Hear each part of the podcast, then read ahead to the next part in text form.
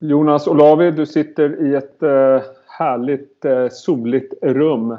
Man får lite vårkänsla ändå. Du, eh, du kom precis tillbaka från inspelning av Börssnack, podden med dig och Erik Hansén. Vad var ämnet idag?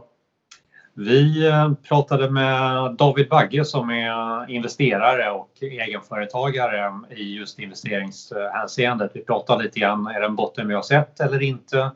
Och eh, hur kan man tänka framöver? Olika scenarieanalyser då. Och vi var väl ganska överens. Vi har pratat om det här i våran podd under några, vi har ju en gång i veckan en inspelning då, att eh, vi börjar mejsla ut en botten och vi tror att vi har sett det värsta bakom oss då. Du tror det alltså? För nu är ju för sig börsen var lite röd eh, senast jag kollade idag men vi har ju ett ordentligt uppställ från den eh, botten vi såg i slutet av mars ungefär. Men du tror alltså att, till skillnad mot många andra, att vi kanske har kommit förbi det värsta? Ja, jag tror det och mycket handlar ju om de eh, enorma resurser som har lagts på att mildra de här effekterna och det är ju lite grann en trestegs, fyrstegs, femstegs raket hur man väljer att se på det. Först måste vi ju isolera oss själva såklart. Ehm, och se till att inte mötas för att minska möjligheterna för smittspridning. Sen måste centralbankerna se till att det inte blir kreditinfarkt och det gör man genom att ösa in pengar, check på den då. Så de två första är klara då. Det tredje är ju att eh, hjälpa individer så att de inte går under under en förhoppningsvis kortvarig men en obestämd tid när man permitteras från sitt arbete och eh, företagen så att de då kassaflödesmässigt inte går i eh, konken. alla de här grejerna har man ju gjort då. Det som behövs nu för att vända den här utvecklingen och vända pessimismen, oron, den här hysterin som ändå har blivit, det är ju att eh, sjukdomskurvorna vänder neråt helt enkelt. Och det är en kombination av mycket. Vi är otroligt mycket mer försiktiga vi är isolerade från varandra, vi tvättar händerna flera gånger om dagen och så vidare. Mm. Och då kommer inte sjukdomen att spridas i samma takt och till slut så dör den ut av sig själv. Sen, ja, det kommer ju vara många som blir smittade såklart, men utifrån ett rent marknadsmekaniskt perspektiv så är det så pass mycket som är på plats som stöttepelare för att man ska våga titta på risktillgångar som, där vi ändå har fått fall på 30-35 procent som, som mest. Då. Så utifrån det då så tror jag definitivt att det finns utrymme för uppgångar. Sen kommer rapporterna helt katastrof, kommer vara jättetrist läsning. Och när vi kommer förbi sommaren sen då, in mot hösten, då kommer vi börja titta på 2021. Då kommer vi dessutom ha lätt äh, jämförelsetal därför att det här halvåret är ju helt bortsopat då. Q1 kanske inte var så jättepåverkade men Q2 kommer ju vara det. Så liksom, om man ändå tänker på kretsloppet så tycker jag att man ska inte kasta in handduken och sluta kolla på depån utan snarare då försöka fundera på ja, vilka scenarier kan spela ut här framöver. Men om man går tillbaka till det här med lite grann var vi befinner oss då i börscykeln. Cykeln. Du, du menar att vi har förmodligen lämnat botten. Men precis som du påpekar, vi har en Q1 som kommer vara dålig. Vi kommer ha en Q2 som förmodligen är ännu värre. Vi har eh, monstruöst dåliga makrodata. Det finns en osäkerhet kring om corona kommer tillbaka i höst. Det finns många som har det scenariot. Mm. Men om vi då har lämnat botten, vad, vad ser du då? Är det liksom en stillastående börs eller är det rakt upp? Eller hur tänker ni er? Jag tänker att det kommer vara förmodligen kommer det vara hyggligt slagigt. Men en sak som man kanske lite grann glömmer bort i den här kråksången det är att det finns väldigt mycket kapital. Man, man klagar på robotarna. Det är de som påverkar allt det här. Men det finns mycket trendföljande strategier. Det finns enorma mängder pengar. Och om man, om man tittar på de vanliga strategierna så brukar man sälja bort volatilitetsförhöjda eh, tillgångar. Och vilka har haft de största eh, uppgångarna? Jo, aktier. Så att nu i, in i fallet ehm, så var i princip alla nettolånga. Och eh, trots att det kom dåliga liksom, nyheter från Kina så fortsatte de europeiska och amerikanska börserna upp. Så det kapitalet var långa i marknaden under fallet. Nu är de nettokorta. Volatiliteten kommer komma ner, VIXen kommer komma ner successivt. Då. Och då måste de börja köpa aktier igen. Och då liksom, ligger de nettokorta nu, då måste de följa upp för att följa sin strategi. Då. Då har du en, liksom, en passiv köpare som kommer komma in, eller passiv och passiv, men någon som ändå tillför ganska mycket kapital i marknaden. Um, och det finns en regel man kan titta på om man är lite sådär osäker. Ska jag verkligen våga gå in på marknaden nu? Så kan man titta på VIX-index till exempel. Och om man tittar liksom, studier 20, 30, 40 år tillbaka. Om man får upp VIX över en standardavvikelse från genomsnittet. Då kommer vi upp över 29 på VIX-indexet. Om det är över där så är avkastningen mer slumpvis. Det vill säga det blir mycket, mycket svårare att tjäna pengar på marknaden. Korrelationerna blir helt uh, störda. Um, allting faller samtidigt och så vidare. Men kommer det ner under 29, det vill säga under en standardavvikelse från det långsiktiga snittet då, då finns det möjligheter att allokera igen och bygga portföljer. Så är man försiktig så kan man ta det som en liksom, signal. Då. Det går ju liksom googla fram på vad VIXen just nu eller kolla på Twitterflöde för den delen.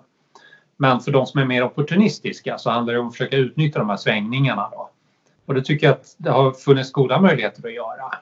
Trots att vi vet att all makro kommer att vara jättedåligt. Vi är hemma, vi är permitterade och så vidare och så vidare. Så allt det där andra, det ser jättedåligt ut. Men pengarna finns där och kommer att hjälpa till även den här gången. Men om man då tittar på en, en ögonblicksbild här. Eh, när jag pratar med förvaltare och analytiker så för första gången på länge så tycker jag inte att det är en jättehomogen skara utan det, det spretar både vad gäller börssynen och vad gäller framförallt återhämtningen. Hur skulle du säga utifrån värderingarna idag av börsen att eh, investerarsentimentet är?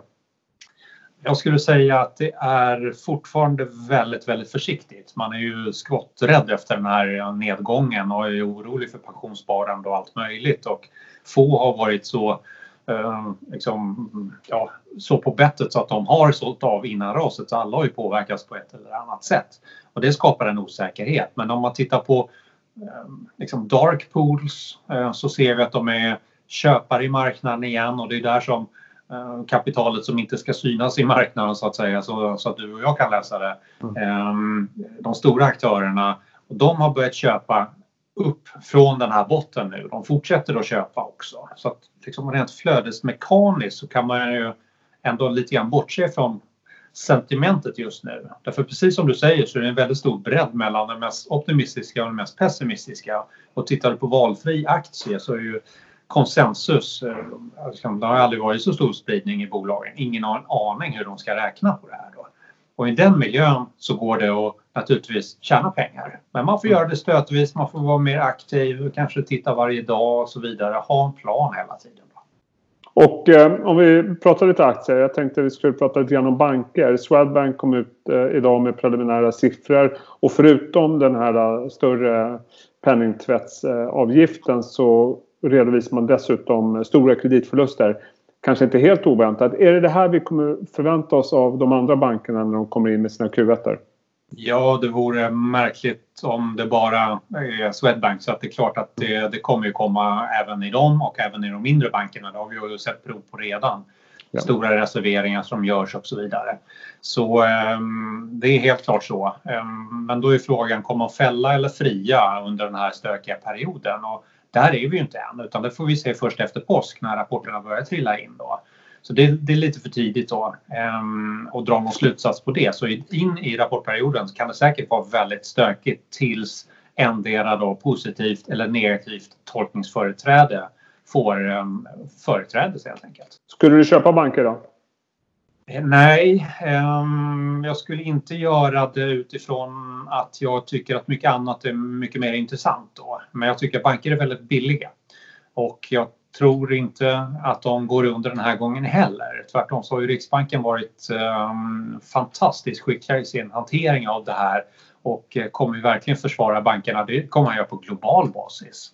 Så att det finns ingen risk så och ehm, en viss typ av eller nivå av kreditförluster ska banker göra för annars bär de ingen risk och då tjänar de inga pengar.